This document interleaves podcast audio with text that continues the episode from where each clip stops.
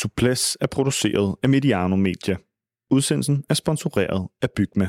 Her finder du altid det nyeste udvalg af sikkerhedssko fra Airtox. Bygma ikke for amatører. Det er Suples heller ikke. Vi forventer at lave 30 udsendelser i løbet af turen. God fornøjelse med udsendelsen.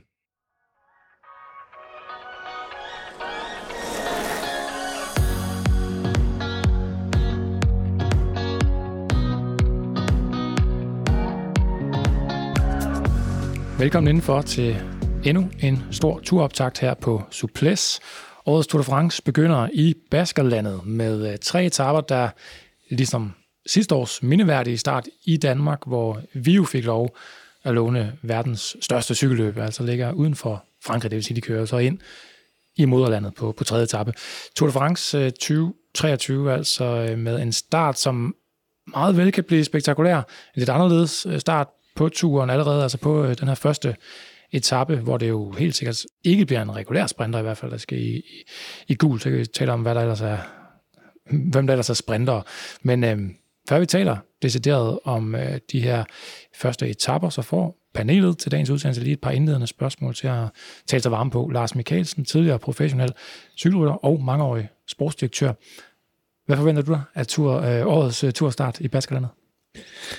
Jamen altså, nu starter man jo direkte med, med en linjeløbsetappe, og øh, modsat eksempelvis Grand Depart i København sidste år med en enkelt start. Og, øh, og det gør det jo mere nervøst øh, på mange måder. Øh, holdene kommer ind, og, og de, de er der jo selvfølgelig i god tid og tager ud og træner, og de ser etappen, øh, om ikke hele etappen, så i hvert fald dele af etappen, og nok specielt øh, af, afslutningen men det er jo sådan i alle Tour de France, at, at øh, man nærmest skal stille sit ur efter, at der, der sker, sker styrt den første uge. Øh, det kan der også ske på en enkelt start, det er ikke det, men, men øh, jeg tror, det bliver meget nervøst. Øh, jeg er selvfølgelig sikker på, at ASO øh, har været inde og sagt, øh, de der gedestiger, jeg tænkte, ja, dem, dem står jeg for lige. Altså, det skal heller ikke blive for snævert, det her, vi, vi arbejder med. Øh, men jeg tror, det bliver meget nervøst øh, for alle. Ja, Jakob Stalin, journalist, kommunikationskonsulent hos Think PR. Tidligere mange år med cykelsport som øh, stofområde, øh, Jakob, og ikke mindst stifter af Suples. Dine forventninger til den her turstart, hvis du sådan ser på det, de der tre baskiske etapper samlet? Jeg vil sige, de første to jo reelt, fordi den sidste, den, den kører op og bliver øh, den, den første øh, spurt. Men jeg synes jo, at øh, altså, det bliver spektakulært, for der kommer til at være et hav af mennesker baskerne, de, øh, de elsker cykelsport, og de er ekstremt passionerede. Øh, og det vil enhver vide, der har set Baskerlandet rundt, eller klassiker San Sebastian. Øh, og de står, de kender deres stigninger, og de ved, hvor de skal stå, og de kommer til at stå. Øh, så det er... Altså, nu sagde Lars, at det bliver, det bliver hektisk, øh, og det bliver stressende. Det bliver endnu mere stressende, fordi der er så mange mennesker, mm. og, øh, og mange af de her veje, de, øh, de er altså smalle. Øh, og, øh, og baskerne, de kan godt lide at komme tæt på cykelsporten. Øh, jeg synes, altså, jeg kan huske, at jeg, øh, jeg, jeg dækkede turen dengang, hvor øh, Iban Mayo øh, pludselig øh, kunne blev tænkt som værende en, en potentiel øh, udfordrer øh, til, til Lance Armstrong, og der var der nogle øh, etapper nede i, øh, i Pyreneerne, øh, som jo ofte er den del af, af Baskerlandet, som, øh, som er besøgt i, øh, i, i turøje med, og der havde Euskaltel, de havde øh, uddelt øh, orange t-shirts, det var jo deres, det var deres farve, Øh, og, øh, og altså, jeg har aldrig set noget lignende. Der var hundreder af tusinder af mennesker, som var iklædt de her øh, orange trøjer. Og de var oppe i de her bjerge, de havde drukket rødvin i... Øh, altså, de var marineret i rødvin. Øh, og jeg har, jeg har aldrig oplevet en stemning, som der var dernede. Og det tror jeg, vi kommer til at se igen, fordi det er altså et, det er et passioneret folkefærd. Øh, så det bliver, øh, det bliver spektakulært. Spektakulært, nervøst, hektisk, fine ord indtil videre. Per Bagsager, foranværende rytter, og nu er distributør af cykeltøj. Du har kørt, Per, de spanske veje tyndt, havde han sagt, men øh, blandt andet har kørt Mona Vuelta øh, af Spanien. Hvordan er det at køre i uh, cykelløb i, i, i Baskerlandet, sådan i forhold til vejenes beskaffenhed, stigningerne osv.? Jo, men der er en masse øh, bitte små veje, og, og, og det er jo enormt kuperet. Uh, også et uh, smukt område at køre cykelløb i øh, og udfordrende og, og, øh, et, et terræn, der garanterer øh, dynamisk og et, øh, et øh, offensivt cykelløb. Øh, så vi kan forvente os en, en meget øh, eksplosiv øh, start på, på turen i år. Eksplosiv. Lars, du har selvfølgelig også kørt på de her, øh, på de her veje. Jeg tror, at øh, i det her tilfælde, hvor at, at vi snakker Baskerlandet, der er det øh, risikoen for en tordenby og, øh, og, og våde og glatte veje, øh, vi kan risikere.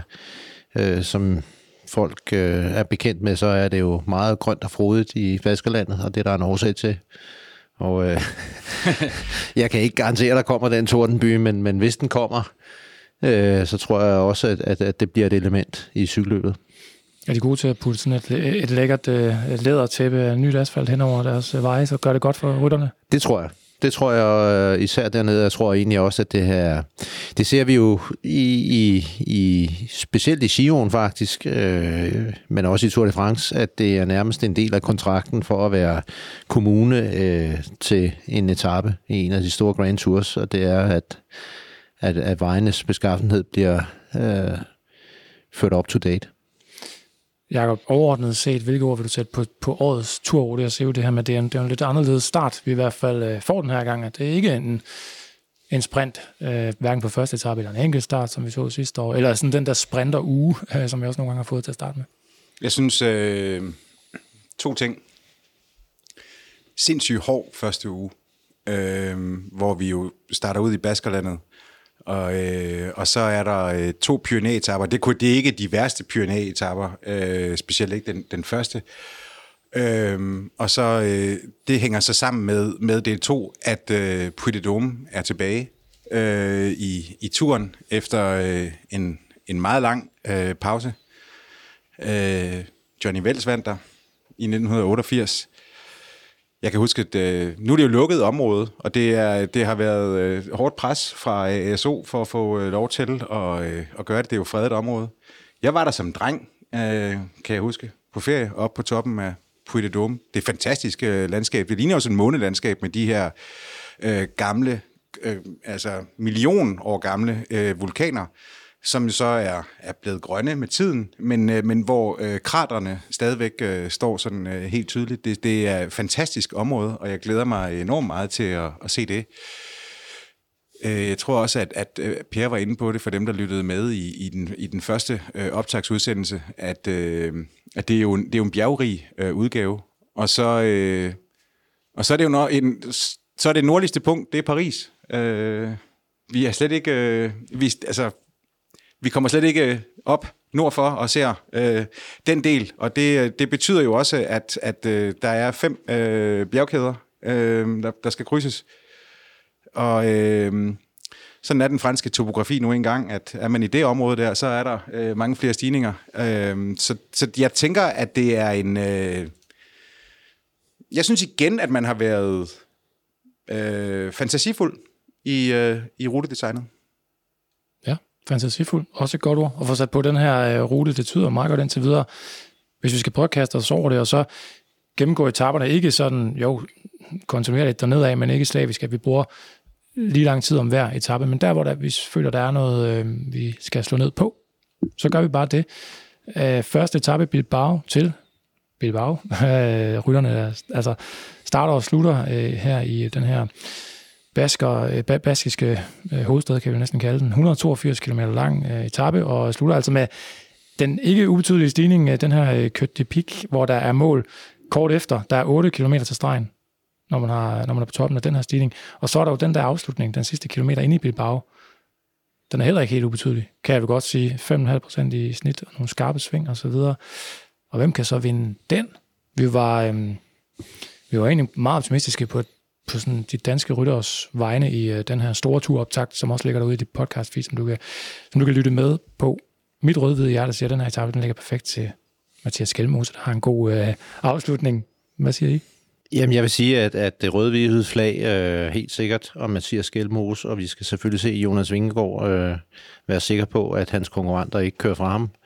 Øh, men det rødhvide flag med, med det grønne kryds i, det baskiske flag, øh, de bliver super motiveret. Øh, de rytter, som stiller til start for forskellige hold. Altså Pelio Bilbao, mm. som er basker, som kører for Bahrain Victorious. Han, øh, han er jo dobbelt motiveret, han vil være normalt. Øh, Gorka Isagia, det er jo sådan nogen, der de vil jo slå ihjel for at komme ind på den stigning, rigtigt. Altså, så det, det er sådan en ekstra krydderi, der bliver, øh, der bliver sat allerede på papiret inden, og så, som Jakob var inde på, når du så forestiller dig at have 100.000 baskere i ørerne, som står ude på vejen, øh, så tror jeg nok, der bliver fyret op under kedlerne. Hvad forventer du, der bliver den her øhm, start? Det kommer ja. meget an på, hvordan øh, etappen bliver kørt, øh, fordi det er jo ikke den eneste stigning, der er. Øh, der er nogle øh, faktisk stigninger hele dagen, ja. men, men, men den stigning, der kommer før øh, finalstigningen, er jo øh, mere et, et, et rigtigt bjerg. Øh, det har en stor betydning, hvordan det bliver kørt der. Øh, hvor, hvem og hvor mange, der kommer frem til den sidste stigning. Og den sidste stigning, som er øh, omkring 2 km lang med snit på 10 procent, øh, de, de der 10 procent giver jo ikke et helt retvisende billede af den, fordi den sidste kilometer er faktisk 15 procent. Ja, det er helt vildt. Så, øh, så, så det er... Øh, hvis der bliver kørt rigtigt, og især hvis der også har kørt på øh, bjerget før, så eliminerer det jo øh, rigtig mange rytter, hvis at det er Pogacar Vingegård, der, der åbner op for alvor på, øh, fordi 15 km med 15 procent i snit, det er jo sådan 3,5 minuts-agtigt øh, deromkring, ikke? Mm. Øh, det er jo lang tid. Øh, der kan folk ikke holde jul på dem, hvis de øh, kører alt, hvad de kan. Så, så der er en hel masse af de der, øh, øh, hvad skal vi sige, øh, dem der er mindre bjergryttere, der, der, der i hvert fald skal tilbage efter toppen, øh, og inden, øh, inden øh, de når ned til, til målstregen. Øh, jeg synes, det er, jeg vil, jeg vil sige, det er en etape, der afhænger øh, udviklingen kommer til at afhænge meget af, hvordan der bliver kørt, og hvilke intentioner de forskellige har, og, og, og hvem ved, om, om, øh, om Jumbo Visma kunne finde på deres glansnummer, som de lavede i Paris-Nice med deres øh, 3-4-trins raket nede fra bunden. Ja, men du, du siger det selv, det kommer ind på, altså, hvad dagsordnerne er. Altså, jeg, jeg tror, at det vi kan helt sikkert regne med, det er, at der bliver, vil blive kæmpet om at komme i et morgenudbrud. Og der vil vi også se baskiske rytter, og vi vil se rytter, som siger, øh, og sportsdirektører, som siger, hør engang, drenge, hvis vi nu tænker os om her, der er en chance. At det kan godt være, at alle er friske, men vi skal med det udbrud. Fordi vi ved ikke, om Jumbo Visma vil tage kontrollen allerede fra dag i dag. Og hvis ikke de vil tage det, og, og Pogacar ikke er sikker på, at han skal tage... Hvem skal så tage for, øh, ansvaret og kontrollere det? Så bliver det måske udbruddet, der kører hjem allerede første dag. Det kunne det godt blive, ja. Altså, så er der bare lige... Altså, øh, 3200 højdemeter ja. På øh, etape 1. Yes. Øh, hvad skal du spise? Altså, øh, Fem kategoriserede stigninger. Ja, så det er op og ned, som Per siger. Øh, ja, men lige præcis. Men, men det er jo det, at, at der, der, er også, der er altså også mange af de stigninger, som der ikke er kategoriseret, øh, som, øh, som snilt kunne have været det. Det er en ja. hård etape. Helt sikkert. En, en nervøs etape, hvor, øh, hvor der ikke bliver meget ro. Altså, der bliver ikke meget øh, øh, tid, hvor man, hvor man sådan bare kan sidde og, og blive ud med feltet. Nej, fordi der bliver jo, altså, vi lægger ud med bjergpoint allerede efter 12-13 km. Ja. Øh, det, er jo, det er jo øh, en kæmpe inspiration for et udbrud til at køre. Ja. Er det alt fra Van der Pol til favoritfest? Ja, det, det er det vel. Øh, altså, umiddelbart, kunne, altså hvis de øh, allerbedste klassementrytter åbner ild, så ser jeg faktisk også Van der Poel være svært ved at, at sidde med dem op over øh, den finale. Ja, ja lige nok. Og derfor jeg også siger det her med, det er i hvert fald ikke en traditionel sprinter, vi får i, øh, i gul, så kunne det jo måske være en Van der Poel eller en Van Aert, hvis det sådan er dem, der, dem, der også kan sprinte, uh, som, uh, som så får lov at overleve, hvis ikke, at der bliver fyret fuldstændig op for, for hele blandt favoritterne allerede her, men en fuldstændig fantastisk eksplosiv start jo selvfølgelig på den her tur. Og Jacob, du sagde også første og anden etape, øh, hvis vi allerede bevæger os ned i den i forhold til, at de skiller sig noget ud i forhold til den tredje etape, hvor sprinterne så måske kan komme til fadet. Det er jo allerede her på, på turens anden dag, vi skal ud på en, på en lang øh, rute, 200, øh, næsten 9 kilometer. Den længste. Ja, øh, årets længste, og en øh, fantastisk finale i San Sebastian. Der er kort før mål også en, øh, en ud af mange stigninger, men der er den her øh, Rejskibel stigning 8 km lang, øh, gennemsnitligt på 5,3. Måske ikke super, en super, øh, sådan super stejl stigning, men kan den splitte noget her? Skibesprinterne? Ja, men, men jeg vil godt have lov at sige, at, at det der, vi, vi, vi ser år efter år, øh, det er jo, at første etape, podiet, der er en, der får en bjergetrøje, der er en, der får en ungdomstrøje, der er selvfølgelig også en, der får en føretrøje. Øh, den grønne trøje. Når vi så kigger her på, på, på etapens øh, første øh, parti, så er der igen point at hente til den grønne trøje, der er point at hente til, til, til bjergetrøjen. Så derfor så bliver det, det bliver enten de samme rytter, som prøver at hente bjergpointene, eller nogen, der bliver bedt om at lukke cykelløbet ned, så er vi sikre på, at ham, der har den grønne trøje, han kan hente de point, der ligger øh, efter 40 km. Og så kan det være, at cykelløb så starter igen. Så der er nogle forskellige agendaer, som altid kommer ind over der, som man måske ikke lige får øje på fra starten af, men, men de giver god mening, når, når, man, når man har set øh, klassementet efter første etape. Men altså isoleret, altså øh, øh, 8 km med, med, med 5 i snit, Ja. og så, øh, og så en, øh, en, en, en nedkørsel, der minder om det samme. Øh, og, og så er der 8 km øh, flat ind til, øh, ind til mål. Det, det er der jo, altså, det, det kommer jo til at, at lave en udskilning. Selvfølgelig gør det det. Næsten 3.000 øh, højdemeter igen den her dag, så det er sådan lidt en, øh, en, en copy-paste uden, øh, uden helt at være det, ikke? og så dog med, med endnu, endnu øh, flere kilometer på den her anden etape.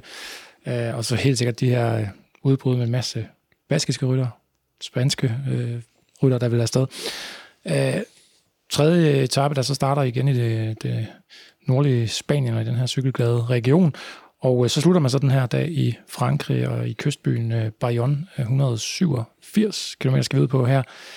Hvordan er, øh, hvordan er landskabet til den her? Er det, øhm, er det en sprinteretappe? Det er det måske på papiret, men er der, er der landskab til, at det kan blive noget andet? Jamen altså, den minder jo på en måde, minder den lever du lidt om det. Altså, vi har 2600 højdemeter på de der 189 km, og, og øh, det er rigtigt nok, der er ikke på samme måde en, en, øh, en besværlig, øh, i hvert fald en lang stigning til at afgøre det mod slutningen. Øh, men til gengæld, så er der alle de der andre små rynker, som vi kan se på profilen, som man ikke ved øh, med sikkerhed. Jeg har ikke kørt ruten igennem, skal jeg sige, med det samme, men øh, jeg har været i Bayonne før, og øh, det er jo lidt det samme med, altså det er jo egentlig, hvis man forestiller sig, at der er et morgenudbrud, og der er et sprinterhold, som siger, at vi, vi går alt ind for Kronevæggen, øh, så er sgu ikke sikkert, at- at Kronevæggen han kan komme op over de der rynker til sidst, og, øh, og de kan få lukket det faktisk. Altså det er det, der er. Så er det pludselig i, i udbrudets favør. Også fordi der er nogle, øh, igen, nogle tekniske, øh, som jeg husker det, ja, det, det kan være meget teknisk deromkring, øh, og det er altid til fordel for, for et udbrud. Ja. Kan det være en øh, mass P-dag allerede? Det der kunne godt være en masse P-dag, Ja. vil jeg sige. Øh, hvor han kunne komme af med, øh, med sådan nogen som Fabio Jacobsen og Kronvæggen og Kjelle Bjørn måske. Altså, det, det, det, det, det tror jeg, han vil... Øh, det, jeg tror, jeg er sikker på, at det er en etape, der, der er sat kryds ved, og han allerede har en, en plan for, hvordan han kan bruge sit hold til at, at reducere antallet af dem, af de hurtige folk, han skal, han skal spurte mod. Ja, og det kan jo blive en Mathieu van der Poel. Det kunne godt blive. De er holdbare. Vi har jo rigtig mange da, øh, dygtige danske ryttere med, mange af dem, der jo er i spil på næsten hver etape til at kunne øh, vinde etaperne, hvis, hvis alt øh, går rigtigt, og man kan høre vores øh, optakt omkring øh, hver dansker, vi har med, hvor vi sådan zoomer ind på dem og deres øh, muligheder, men er muligvis allerede her ved tredje etape, så er vi lidt et lille Dannebro med, med en mulig masse P-dag. Fjerde etape lige knap øh, 182 kilometer. Ligner en dag for, for sprinterne. Feltet kører her fra, fra Dax til Nogaro og slutter på den her lille racerbane. Er det her, man for første gang måske kan nappe en lille lur på sofaen undervejs på etappen? Ja, Det Ja. kunne det godt være, ja. det, ja fordi der, der kommer, øh, man skal være klar de næste dage, øh, så, øh, så her, der, øh, der, der, kan man, der behøver man ikke at se med for kilometer 0, tænker jeg. Og vi talte lidt om øh, i vores store optag, sådan om favoritter til at vinde den grønne trøje, øh, som jo ja, ikke er et erklæret mål for Mads Pedersen, heller ikke for Wout van Aert. Han skal hjælpe Jonas Vingegaard med at vinde en anden trøje. Øh, men jeg har nævnt nogle af de hurtige, øh, hurtige folk her. Har I sådan et, et, et sprinterhierarki, eller har I sådan en, en super sprinter, som I tænker på, når der så kommer en normal sprinteretappe, så bliver det Fabio Jacobsen eller Philipsen, der, der, der, der, der er jo to, synes jeg, der skiller ja. sig ud øh, for tiden. Det er Jasper Philipsen og Fabio Jacobsen. De, de har øh, mere speed end, end de andre, men, men jeg vil sige omvendt, at altså, masser er jo så hurtig og så frem for alt også så dygtig til at, at øh, placere sig, så han misser jo sjældent en... Øh, de fleste sprinter misser jo nogle øh, okkasioner ved at og ikke øh, være placeret rigtigt. Det er meget, meget sjældent, Mads gør det. Mm. Og øh, så alle øh, etaper af den her type er han jo en, øh, en contender, øh, og, og, og han har jo garanteret også kryds ved den her dag, øh, som en øh, mulig, øh, mulig, øh, mulighed for at vinde en etape. Og så har der været nogle af de der år, hvor man så skulle øh, forholdsvis langt hen i, i turen, før at øh, vi overhovedet fik noget, der sådan var et rigtigt bjerg, eller hvor det rigtig gik, øh, gik løs. Nu har vi allerede sagt, favoritterne kunne så godt komme i spil på første etape og slås om den gule trøje, men øh, om ikke andet, hvis man har taget sådan der lur på fjerde etape, så skal man lige vågne op og være klar til, øh, til femte etape. Det er den fra på til La Rune, 162 km, en af flere, en af mange sådan halvkorte øh, eller kortere øh, etapper som selvfølgelig også blevet, er blevet populært og af en grund. Øh, det er femte etape, det er allerede den første rigtige bjergetappe. Feltet, der skal op over øh, Col de Marie Blanc, og øh, ja, en, en hård stigning, der har top 18 km før mål, og øh, ja, starter altså i den her øh, meget ofte benyttede både start og målby på øh, for foden af Pyrenæerne, og man ved, at overnatter man i, øh, i Polen, der i nærheden, så kommer det til at gøre ondt i benene formentlig, øh, når vi skal ud og køre. Klassementsdag, eller for tidligt på turen, hvad siger jeg? Og jeg selvfølgelig også henblik på, hvad der venter dagen efter. Jamen altså lidt tilbage til, jeg, øh, min, min fornemmelse, det er, at at øh, lad os sige, at øh, Mathieu van der Poel, han vinder første etape, har, har trøjen. Det bekommer jo øh, favoritterne vel. Og jeg tror, det er første gang, at de i virkeligheden sådan... Øh, altså, de får nogle bjerge, der er lange nok til og ligesom at få sorteret ud i, i, i ravl og krat og, og, og sige, okay, hvem er det egentlig, vi, vi, vi, vi, vi snakker om her i klassementet? Altså, jeg tror, der bliver en, en, en, en test, hvor vi får for at se, altså, hvem er de 25 bedste i bjergene efter, efter fire dage, altså på femte dagen her. Ikke? Hvad siger andre til den her femte etape? Altså et kryds for den, i forhold til, at vi kan få fyrværkeri, eller er det sådan et, ja, hvor vi skal afvente? Jeg tror ikke, at det er sådan en rigtig fyrværkeri i dag. Det tror jeg ikke.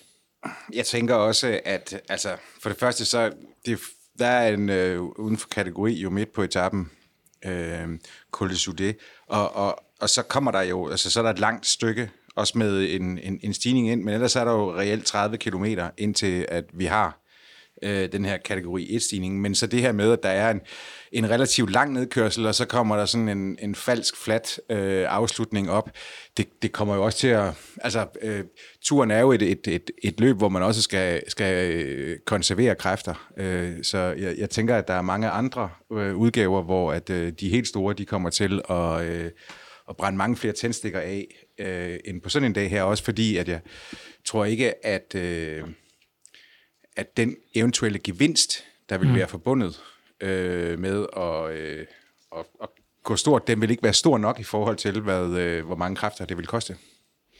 Så måske man skulle gå, øh, gå i bund dagen efter. 6. etape, Tourmalet, etappen et ikonisk øh, bjerg og det mest besøgte i Tour de France, lidt over 17 km langt, 7,3 procent i snit. Hvad forventer jeg af Tourmalet-etappen i år? Der er jo også det her flade, øh, flade dalstykke, og så målstigning. Hvis det er sådan, du er modig, så kan man, øh, så kan man fandme gøre en forskel. Altså, øh, men, men, det, men det er jo sådan en... Øh, så skal det være sådan en... Øh, altså, sådan en, øh, en, en bjerneris taktik med at have øh, folk ude øh, fra, fra morgenstunden, og så, øh, og så skal det jo times med, at, øh, at, at de rammer lige, så det er sådan, at det passer med en, en, en nedkørsel og dalkørsel, og så give den fuld gas øh, op, op på den sidste. Der er to bjerge i den her tur, som har en top over 2.000 meter. Øh, og det er Col de la Lose, som, øh, som vi kommer til øh, sidenhen. Mm. Og så er det Tourmalet.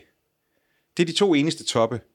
Øh, så, øh, så man kan jo sige, i- kvæg at, øh, som vi også talte om i den, i den foregående øh, optagsudsendelse, ja. at Jonas Vingegaard, han øh, rent videnskabeligt øh, har en, en fordel, når det er sådan, at vi kommer op i, øh, i højderne.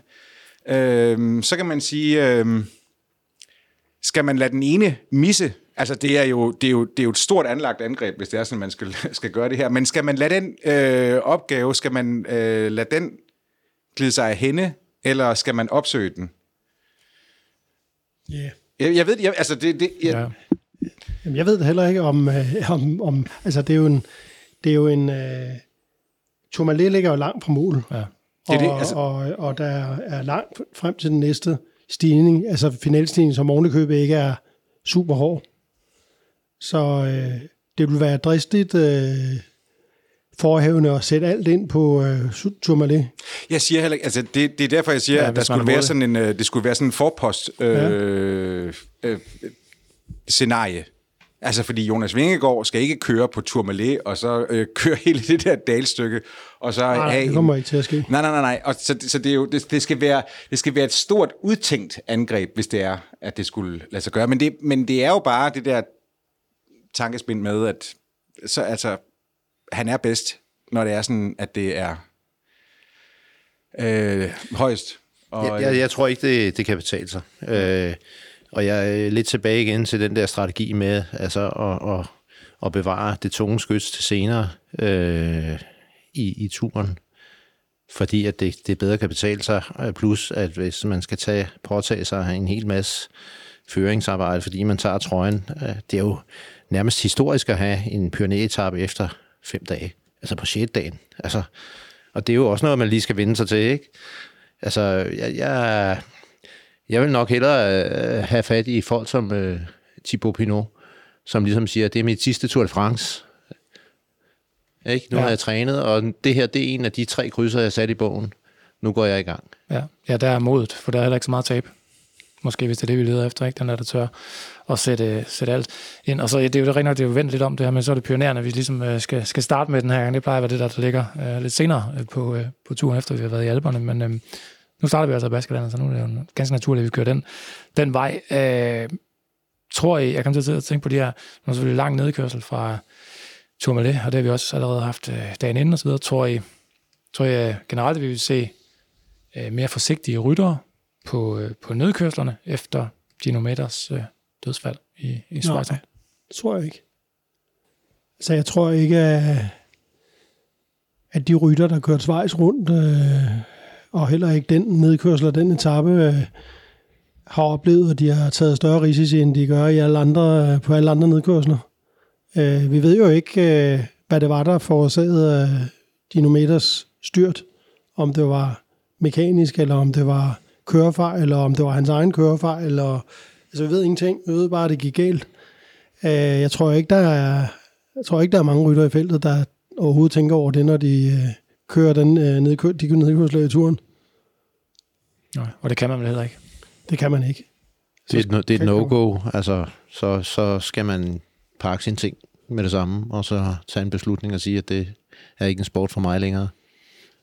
Der er selvfølgelig noget teknisk i forhold til det, men vi ser ryttere, der er mere modige, også i nedkørsler, og bedre stilister, og kommer hurtigere ned, end, end, end folk, der ikke måske tør, eller, eller føler, at de har samme kontrol over, over sådan en nedkørsel. Nå, jamen, altså, nedkørslerne er jo de, de seneste 10 år blevet et, et, et, øh, et, angrebsareal, som det ikke har været tidligere. Øh, Men det, og det er det jo fordi, at der er forskellige øh, evner, og der er nogen, der er super gode øh, til at køre nedad, og, og ja, altså Nibali var jo nok den, der først øh, demonstrerede det her i nyere tid. Altså, der har altid været nogen, der har været gode til det, og nogen, der har været bedre til det end andre, og nogen, der har været ekstremt gode til det. Øh, men, men at bruge det som angrebsterræn, øh, det, det, det er jo noget nyt. Øh, så det, men det er en del af det i dag. Det er det altså. Ja, og jeg vil sige, at man som cykelrytter, efter min opfattelse, er man jo, kan man være nødt til at lade en bedre nedkøre køre væk. Altså, hvis du skal ud over din skills i alle svingene, så løber du en gigantisk risiko, hvis du kører 100 km i timen. Og øh, det, det bør man jo ikke gøre. Altså, man, man kan være nødt til at lade, lade en hurtigere mand køre væk, ligesom øh, man også er nødt til at lade en bedre mand køre væk opad. Jeg husker Tom Pitcock køre en øh, voldsom nedkørsel i sidste års Tour de France. Det, Jamen, og, og øh, Pogacar, som angriber hen over toppen. Ja. Altså, ja, han sætter jo sådan set øh, Jonas i, i besværligheder. Og, så han, han prøver ham af på nedkørselen. Præcis. Men det er jo også øh, det er jo, det er jo et gyldigt, legitimt terræn at angribe i. Helt legitimt. Det er en del af, en del af ruten. Var det, var det også dengang, du kørte? Eller var der ligesom sådan en, øh, eller var der sådan, ligesom sådan en, øh, nu er det våbenhvile, vi er nået toppen? Nej, eller nej, det, det, det, det, synes jeg ikke, der var. Altså, jeg synes, at der er flere, der angriber nedad end øh, i dag, men, men altså dem, der har været dygtige, altså i min tid, var de dygtigste nedkører Eddie Merckx og Francesco Moser. Og de angreb ofte nedad. Øh, der kunne de gøre en forskel. Og vi er meget godt kørende med vores danske klassementshåb øh, i forhold til nedkørsler med Vingård ja, og, Skæl, og Skelmose. Og Skæl, ja. ja. Der kunne måske også være... Øh, det, er ikke, det er ikke der, de bliver, de bliver sat i hvert fald. Ikke. Det er ikke der, vi håber at se dem øh, tabe tid, øh, på trods af, at der er nogen, der skulle angribe hen over toppen, eller, eller hvad vi nu øh, får at se her. Jamen fra et par bjergrige øh, Pyrenæ-etaper, så øh, skal vi jo til Bordeaux på syvende etape. Det plejer at rime øh, på sprint. Ikke, det, kommer, der kan være. det kommer det også til i år. Det kommer det til i år. det, er, det er jo næsten den mest klassiske sprinterby ja, ja. af alle i Tour de France-historien. Der er enorm prestige med at være forbundet med det. Selvfølgelig det er der på alle etapper. Men som sprinter i Bordeaux, det er jo, det kan selvfølgelig ikke måle sig med, øh, med Champs-Élysées, men det er... Jamen, det er en stor... Det er en kæmpe... Det er, det er sådan et monument for sprinter, øh, hvis man sådan ser på hele turhistorien. Så, øh, og, men altså, det kan også blive et udbud sådan en dag. Men, det tror jeg ikke på. Det, tror ja. jeg ikke. Nej, jeg tror, det er et af de få. Altså, hvis vi forestiller os øh, et, et, et, et Lotto Destiny eller et øh, Sudal Quickstep øh, hold, ja, så tror jeg, de kommer til at holde det meget stramt. Eksempelvis. Eller Grunvæggen. Øh, Men ja, det tror du, der er jo mange, der vil have samme interesser. Altså, det er det, jeg de, mener. Altså, der vil være mange, der vil bruge mand på at holde et kontrolleret udbrud. Der bliver en koalition mellem de sprinterhold op imod det udbrud, der kører. Og de bliver halet hjem. Og hvis de så, har fået... så er alt, som det skal være, for det skal jo, det skal jo ind med en spurt. I det skal det da. ja, hvis de så har fået, øh, fået afgjort det imellem sig der, så kan det være, at udbruderne har bedre øh, chance dagen efter. Det er i hvert fald lidt mere kuperet. Øh, 8. etape kunne også godt blive, blive sprinter igen. Der skal vi fra øh, Libourne til Limoges. Øh, 200 km lang etape, men også, jeg er også sådan lidt kuperet. Jeg ved, det er jo sådan en, der ikke ser ud af en skid ja, på, øh, er den film, nok, men som er øh, modbydelig at køre som rytter. Ja, hård nok til at kunne lave noget ravage, eller til at kunne skibe de, ja, de tungste. Ja, og hvis du tæller alle de der bitte små ja. øh, takker, ikke? så er det sat ned med mange i løbet af sådan en dag. Ikke? Og, og de alle sammen er jo noget alvorligere, end de ser ud til her på tegningen. Ja, ja så, Per sidder så det, er jo, det er jo op og ned i et væk. Ja, du lader din finger glide hen over ruteprofilen her foran, og så det er det er altså mange gange. Ja, det, er, top Nå, det er jo fordi, der, der er 2.000 højdemeter på den, men yes. de, de 2.000 højdemeter, øh, de ligger øh, stort set alle sammen på de sidste 80 km. Øh, så, øh, så det er jo også det, der, der, der gør det her til en, øh, en hård og, og ret uforudsigelig størrelse. Ja, men skal vi så ikke bare lade den ligge ved uforudsigeligt og sige, det kan, det kan blive det, både, det, en både det ene og det andet. Ja. Øh, og så gå til, Jacob, 9. etape. Ja. Vil du præsentere den? Puy de Dôme. Yes, den udslugte vulkan i, i Massif Central. Lige præcis. Øh, som, øh, som øh, kommer tilbage på turen. Øh, dansk etapevinder sidste gang. Det skulle være, være så flot, hvis det var sådan, at øh, Jonas Vingegaard, han, øh, han fulgte efter Johnny Vels, som vandt der i 1988. Det er der absolut også en mulighed. Jamen, det, det, præcis. Altså, fordi øh, det er en modbydelig stigning især de sidste 4-5 kilometer. Altså, for du rammer selve Polydoma er jo sådan en top, ja. der ligger i, ligesom op over Clermont-Ferrand, og øh, hvor man ligesom kører rundt om sådan en snegl. Og øh, når du kommer op til den, der er det altså stejlt. Der er det jo en rampe. Altså, det er sådan, man kan godt vanskelighedsmæssigt sammenlignet lidt med Trajime Lavaredo, som de øh, lige har kørt i Dion. Og øh, den, det er jo en stigning af den beskaffenhed, hvor vi, nu har vi talt om nogle, nogle øh, stigninger, hvor, hvor vi siger, at det er ikke sikkert, at, at klassementrytterne, de åbner rigtig op for gassen og, og så videre. Det, det, det vil jeg sige, den her øh, afslutning, det er den første gang i løbet, hvor jeg er sikker på, at de kommer til at gøre det. Det er det, og øh, jeg kører lige ned over startlisten, og, og altså Roman Bardet har jo nærmest boet på den stigning. Jeg ved ikke, om han stadigvæk gør det. Øh, så der er jo også nogle andre motivationer her, som kan, kan spille ind. Øh, vi er godt nok ikke nået til 14 juillet. Øh, det er ikke Frankrigs øh, nationaldag, men, men øh, det er lige før det er det for ham i hvert fald. Så, så det er igen en spændende etape, og som, som der nok bliver sagt, altså når man kommer nede fra fladelandet og ser Clermont-Ferrand, så det er jo en sukkertop, som bare, altså, og tit og ofte sådan, øh, kan man ikke engang se toppen, fordi den er indhyldet i, i skyer, ikke? Præcis. Altså, Men det er jo, altså fordi, hvis det er sådan, man bare sådan ser på de første tal, altså så, så, så hedder den, øh, sådan, det hedder den 13 kilometer mm. af 7,7. Men det, er jo, det, er jo, det snyder jo, fordi der, der er midt på den er sådan et, øh, et, et plateau over en, øh, eller det er i hvert fald øh, det, det er mindelige stigninger, stigningsprocenter, der er over sådan en 3-4 kilometer. Og så de sidste fem, de ligger altså sådan noget 11-12 procent. Øh, det, det, er jo, det er jo der, at der kan virkelig gøres en forskel. Altså, øh, og, og, og det er jo også derfor, at jeg, det, det her det, det bliver et af de, som du i den sidste udsendelse kaldte mano a mano øh, slagene.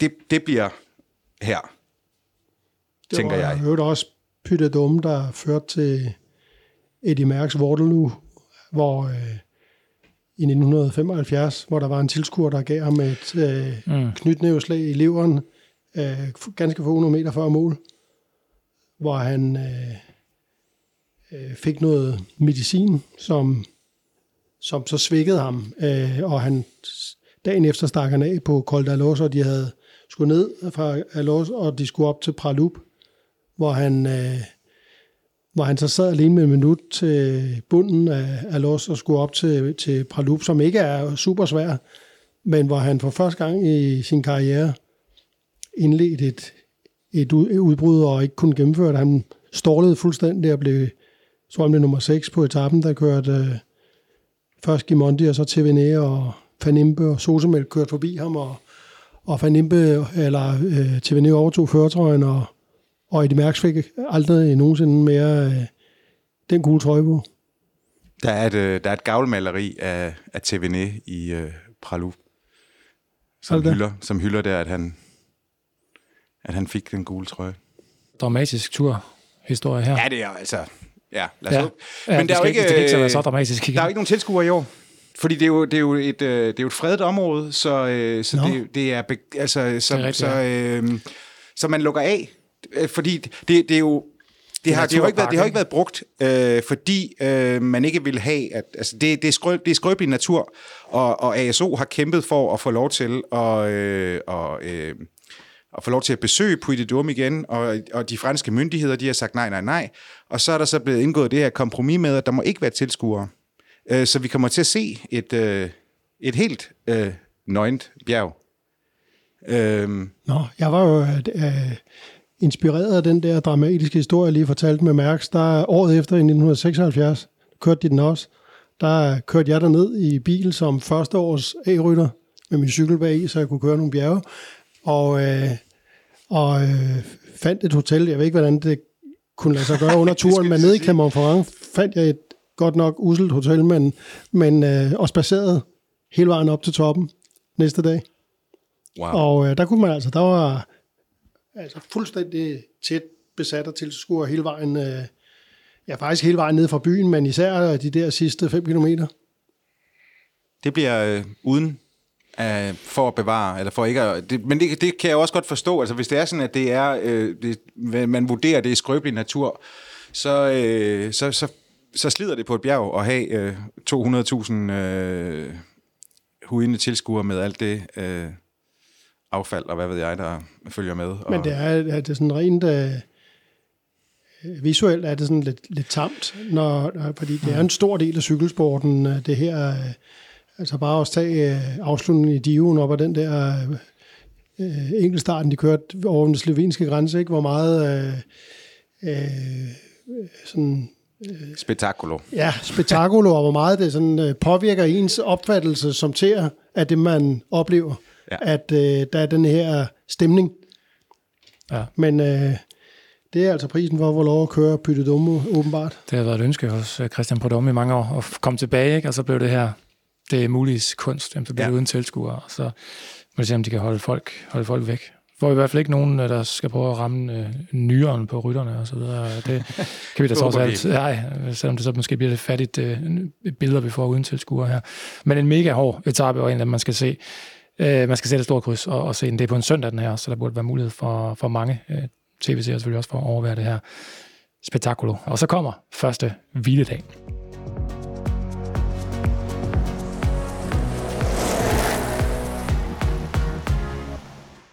Efter hviledagen, der skal vi fra Vulvania til Issoir. Det kunne ligne en, måske en udbrudsdag i Massif Central op ad bakke fra kilometer 0 op og ned. Øh, der kan hurtigt forme sig et udbrud. Jeg kunne øh, forestille mig en, en Magnus Kort. Vi tidligere har nævnt, han har sine dage, ikke? han sætter sine krydser. Jeg ved ikke, om det er...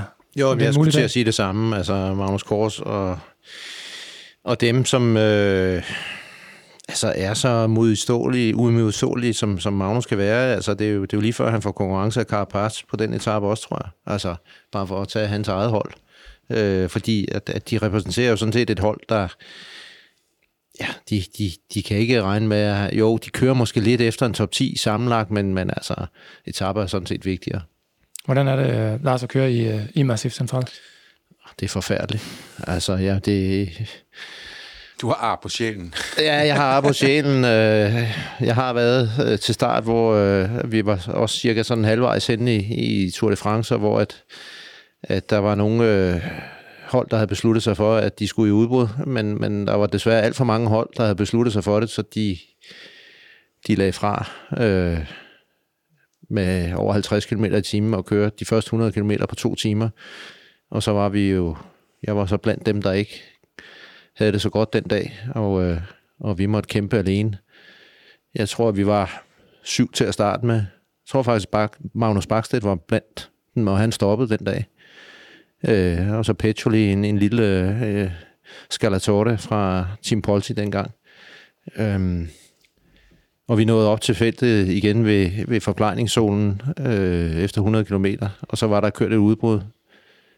Men så var der så igen nogle hold, der sagde, at de ikke var tilfredse med det udbrud. Så startede de op igen, og så blev vi så sat endnu en gang. Inden, øh, og så kunne vi så få lov at kæmpe de sidste 80 km til, øh, jeg husker ikke, målbyen var noget med Fleury, kan jeg huske. Jeg synes ikke, det var særlig blomsterfuldt, men øh, det er jo modbydeligt, fordi at, at øh, det er hammer varmt, lummert, øh, luften altså står stille, og ikke mindst så asfalten. Øh, Jakob, du sagde, du har også nærmest mærket eller hørt asfalt. ja, det brummer, når man kører. Det larmer. Det er ikke, det er ikke, det er ikke øh, et, et billiardtæppe. Det er langt fra et billiardtæppe. Det er jo øh, den franske måde at, at sikre sig på, øh, at asfalten ikke smelter helt væk, så strøger man de her rullesten henover, og øh, de har jo selvfølgelig et formål, men, men ja, de er godt nok modbydelige at cykle på, og især hvis ikke man har en god dag. Ja. Hvad, hvad sagde, hvad, tidsgrænsen, var I far for den, eller hvad? Nej, nej, vi kom, vi kom hjem, vi kom hjem, og, øh, men øh, heldigvis så ja, var det en, en nemmere etape dagen efter. Ja.